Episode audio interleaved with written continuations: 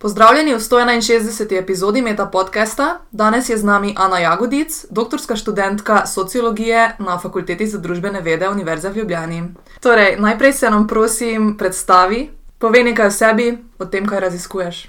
Ja, sem uh, doktorska študentka sociologije na FDV-ju, mlada raziskovalka uh, do nedavnega na Centru za raziskovanje javnega mnenja um, na FDV-ju. Sem tudi asistentka na katedri za analitsko sociologijo in pa trenutno raziskovalka na Centru za proučevanje organizacij in človeških virov.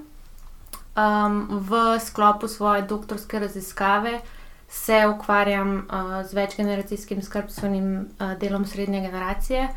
Uh, zdaj, če to malo bolj splošno, oziroma malo širše um, umestim, delam uh, um, raziskavo oziroma dizertacijo na področju skrbi in skrbstvenega dela. Um, kaj s tem mislim, ko govorimo o skrbstvenem delu? Um, se pravi, uh, nanašam se na, na prakse, na aktivnosti skrbi za druge, uh, recimo za otroke, za starejše, za osebe z oviranostmi in tako naprej.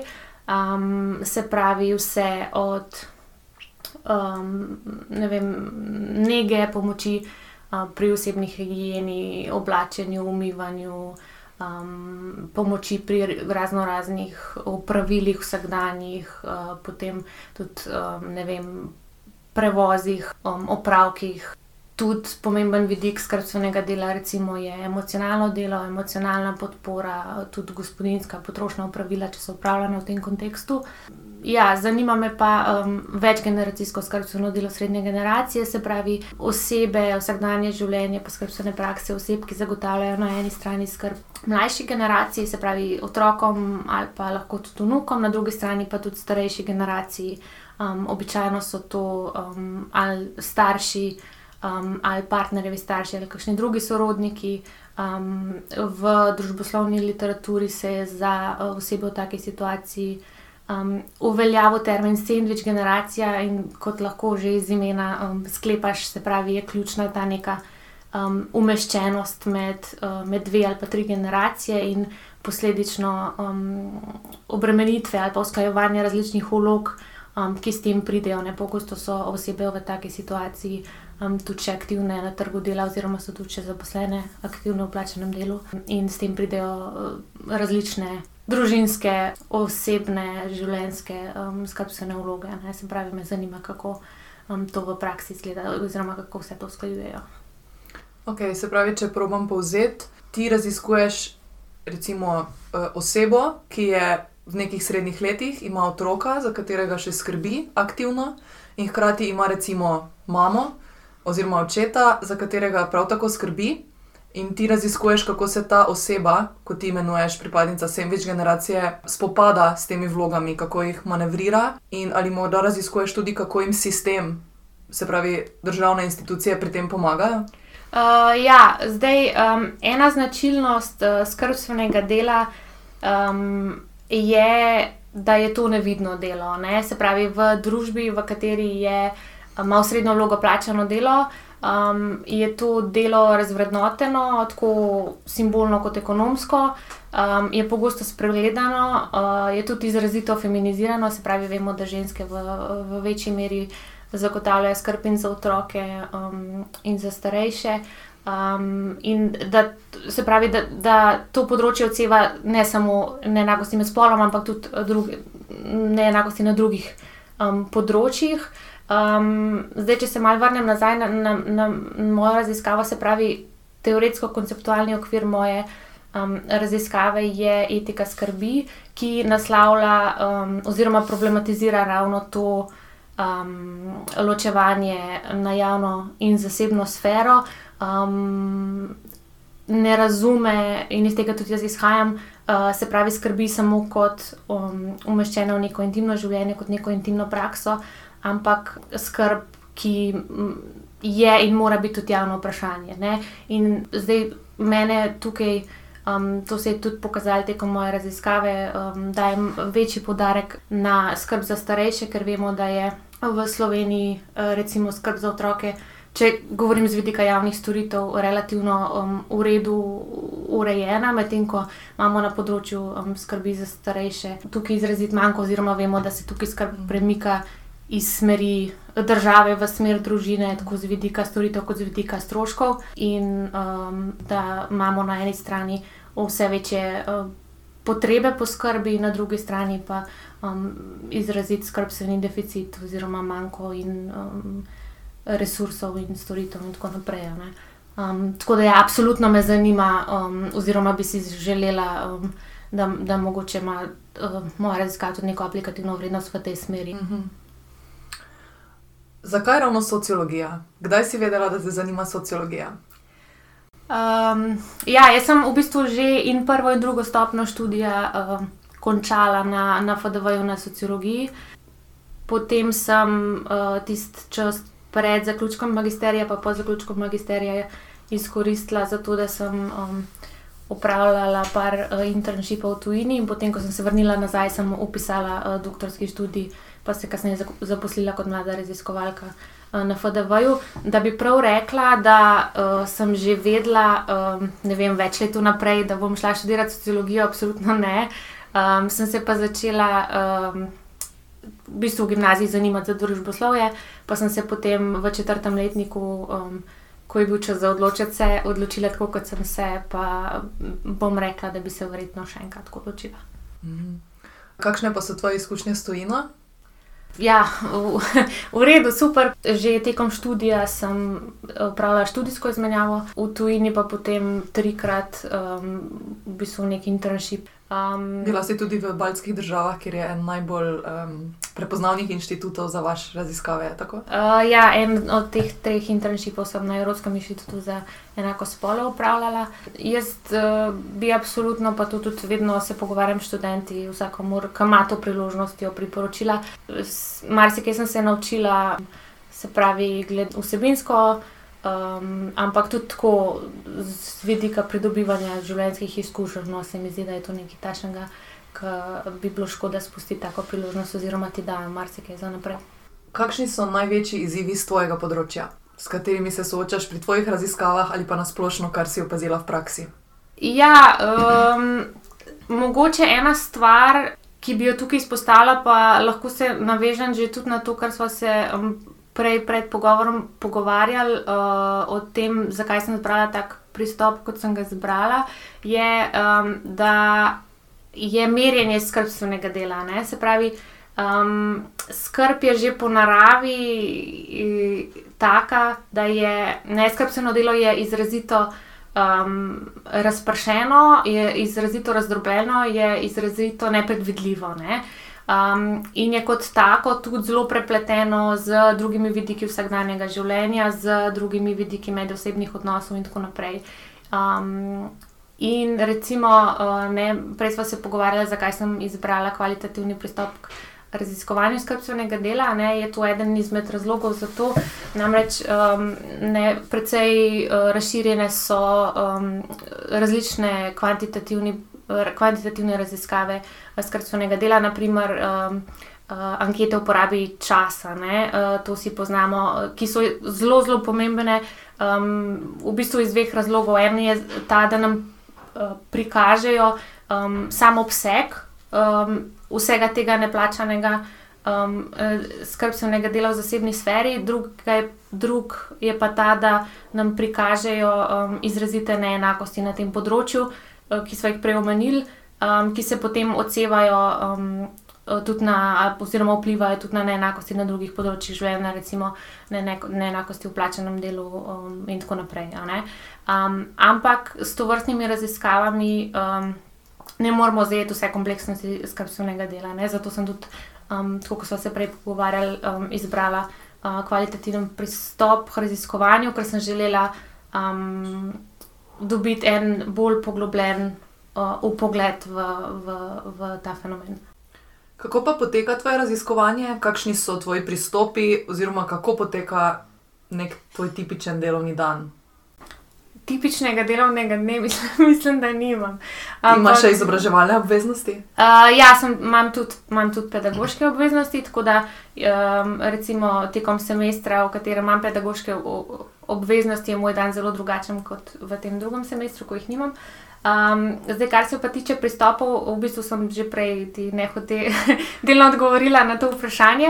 Um, se pravi, glavni del uh, moje raziskave je um, kvalitativna empirična raziskava, kateri sem pristopila s kombinacijo dveh kvalitativnih metod in sicer uh, dnevnikov in pa poglobljenih intervjujev, med drugim z tem namenom, ki sem ga prej opisala. No. Kakšna je pa recimo tvoja tarčna skupina, na kateri upravljaš intervjuje? Ali imaš kakšno specifično demografsko skupino?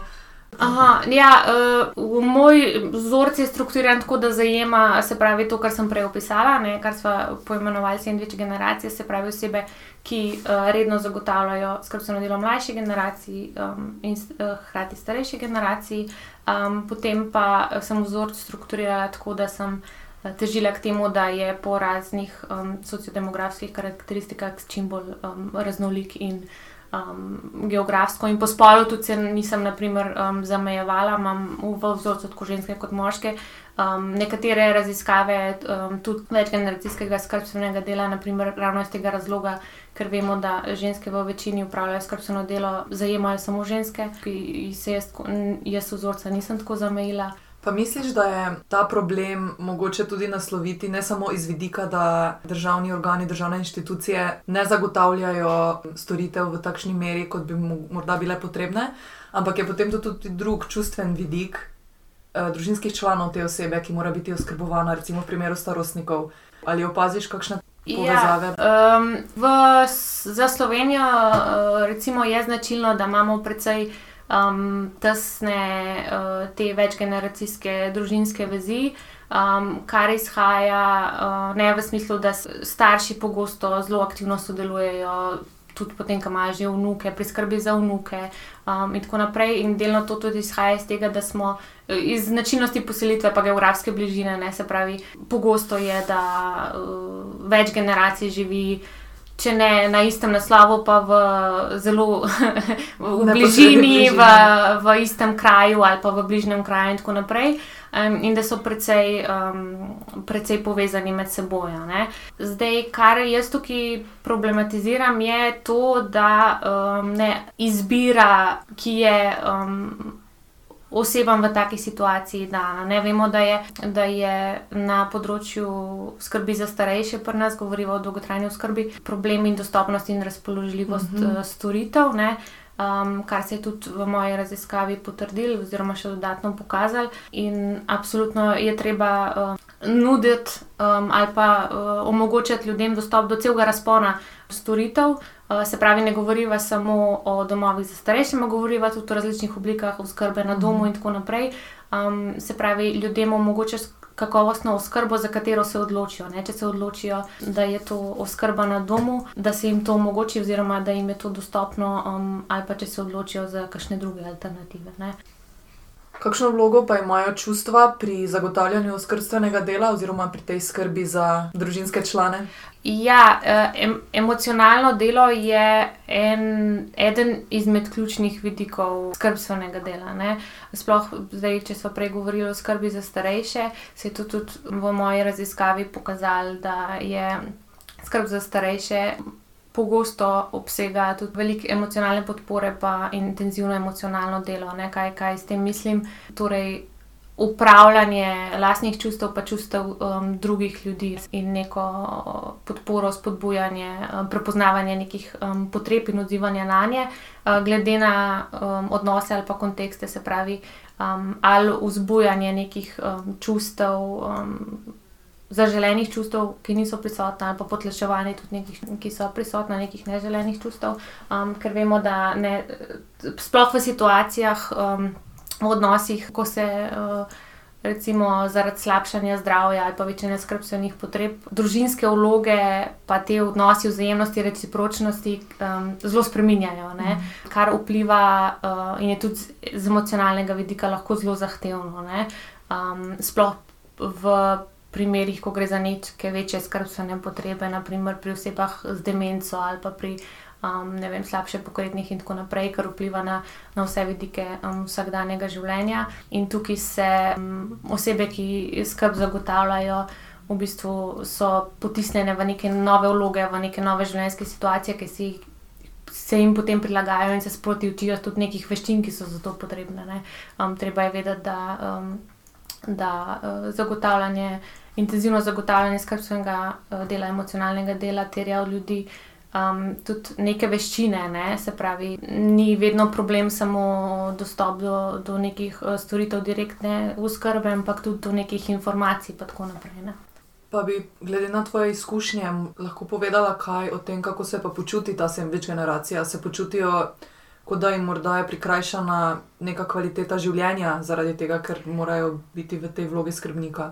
Ja, v bistvu je zelo odvisno od obremenitev. Um, zdaj, značilno je, da, da gre za um, uh, usklajevanje več različnih vlog, več različnih obremenitev, ne, ki s, tem, s to umeščenostjo med različne generacije pridejo zraven. Zdaj, če se lahko se izrazim skozi. Uh, Um, skozi besede uh, mojih sodelujočih, ne, da gre potem v takem primeru za neko vsakodnevno triažiranje teh različnih ulog, premenitev in tako naprej. Ne.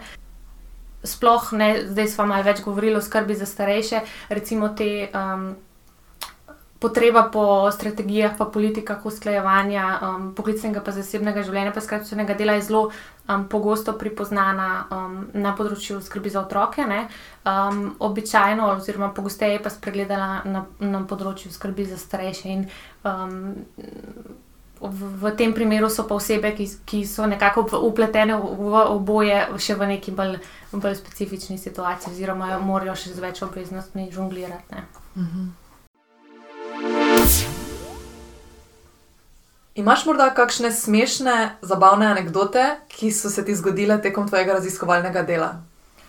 Mogoče uh, najbolj dinamičen ali pa nepredvidljiv uh, del moje raziskave je bil ta terenski del. Ne? Se pravi, ko sem izvajala, sem um, se odločila, da bom vse, v praksi mi je potem ratelj skoraj skor vse, um, intervjuje izvedla um, v živo.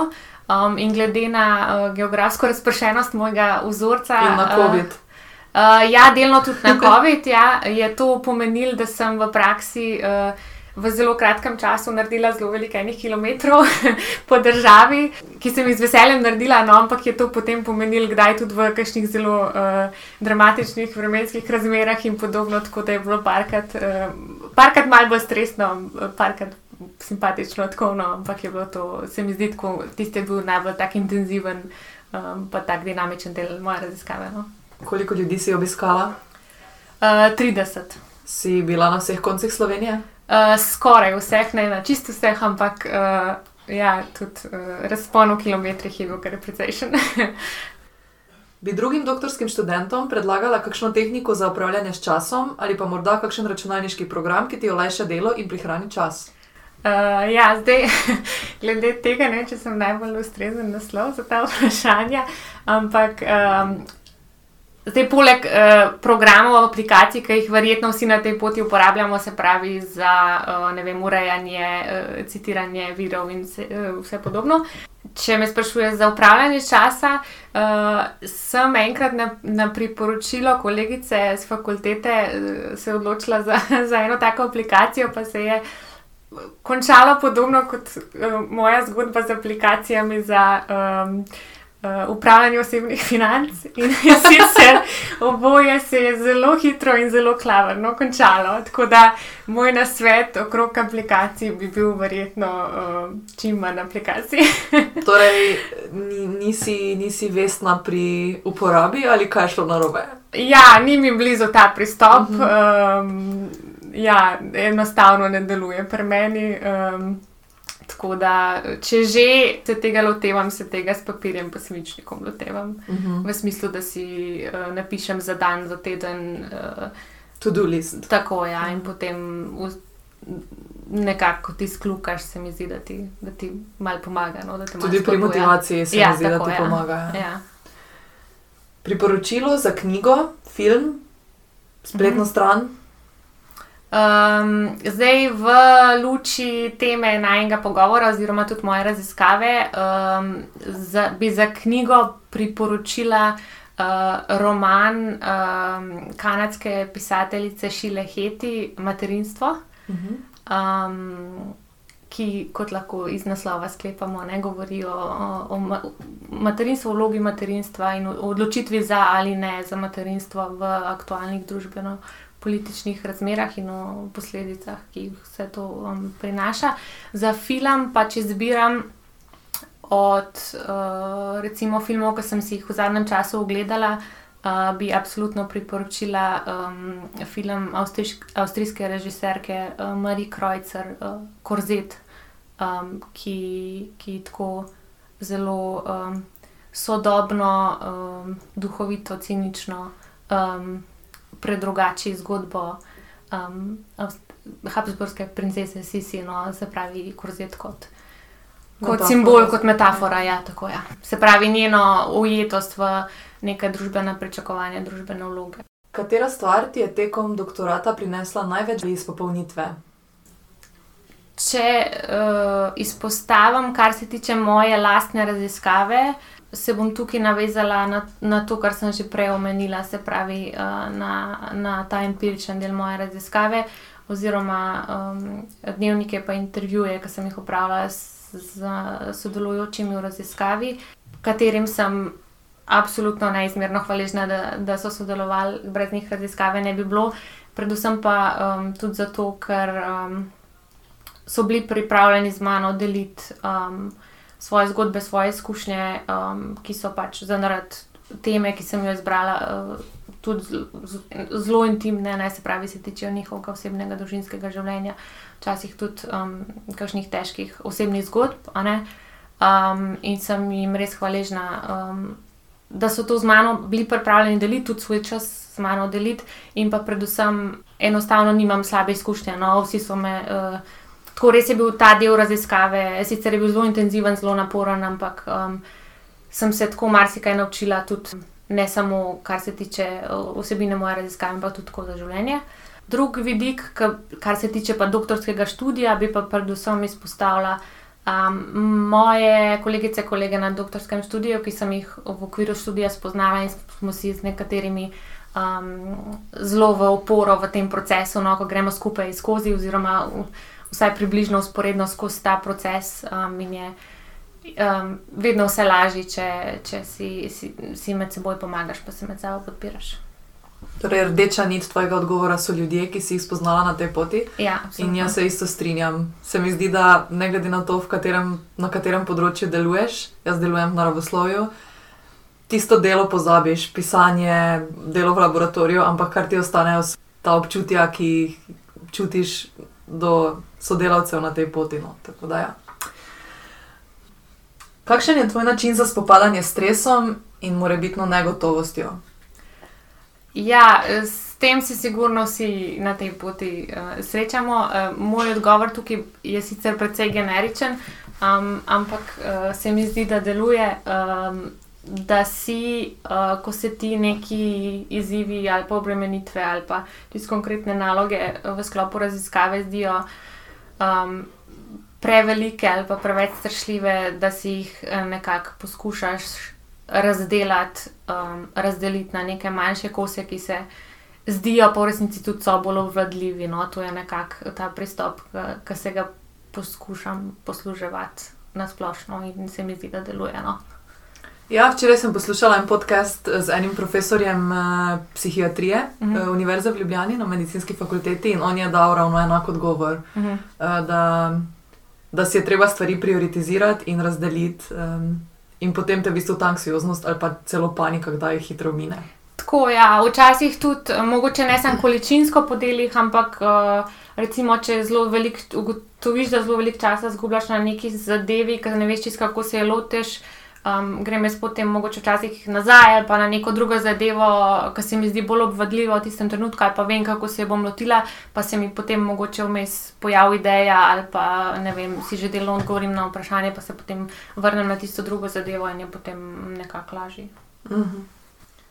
Če bi lahko bodoči doktorantki oziroma doktorantu dala en nasvet, ki si želiš, da bi ga prejela sama, preden bi začela, kakšen bi to bil?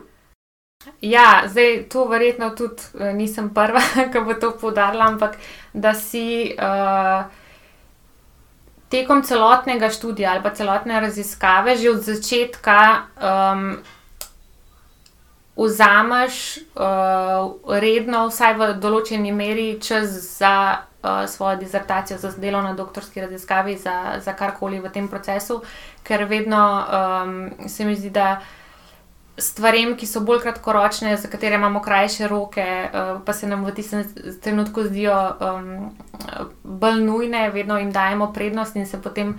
Uh, to nekako nalaga, ne? se pravi, da si vse skozi, tudi če v manjšem obsegu, vzamemo nek čas, redno, zato da delamo um, na svoji dizertaciji, na svoji raziskavi ko govoriš o kratkoročnih um, zadožitvah, govoriš o uh, pedagoških obveznostih? Ali... Mislim, čisto odvisno. Uh, Ja, pri meni je to delno tudi, so tudi pedagoške obveznosti, zdaj pa komu drugemu je to kaj drugega. Se pravi, mm. vedno imamo neke sprotne ali roke, ali obveznosti, mm. ali sestanke, ali naloge. Uh, um, ki jim bomo potem v tistem, del, v tistem času dali prednost, ampak v resnici ne smemo ne, nikoli pozabiti na to, da tudi če se zdijo štiri leta zelo dolga, doba, ja. ponavadi to precej hitro mine, ne, tako z tega vidika. Ok, Ana, najlepša hvala, da si si vzela čas in nam predstavila zelo pomembno tematiko oskrbe tako mlajših kot starejših. Ja, upam, da si se tudi ti imela fajn. Hvala za vabilo.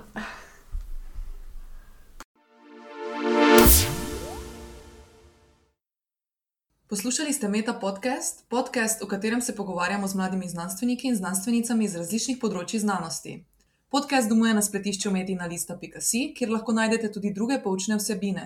Naše delo lahko podprete z donacijami Metini listi, pohvale, pripombe in predloge lahko posredujete na e-mail znanost.afnametina.si. Dobrodošli so tudi komentarji na Facebook profilu Metine liste in na Twitterju afnametina lista, kjer uporabite hashtag metapodcast. Se slišimo čez 14 dni.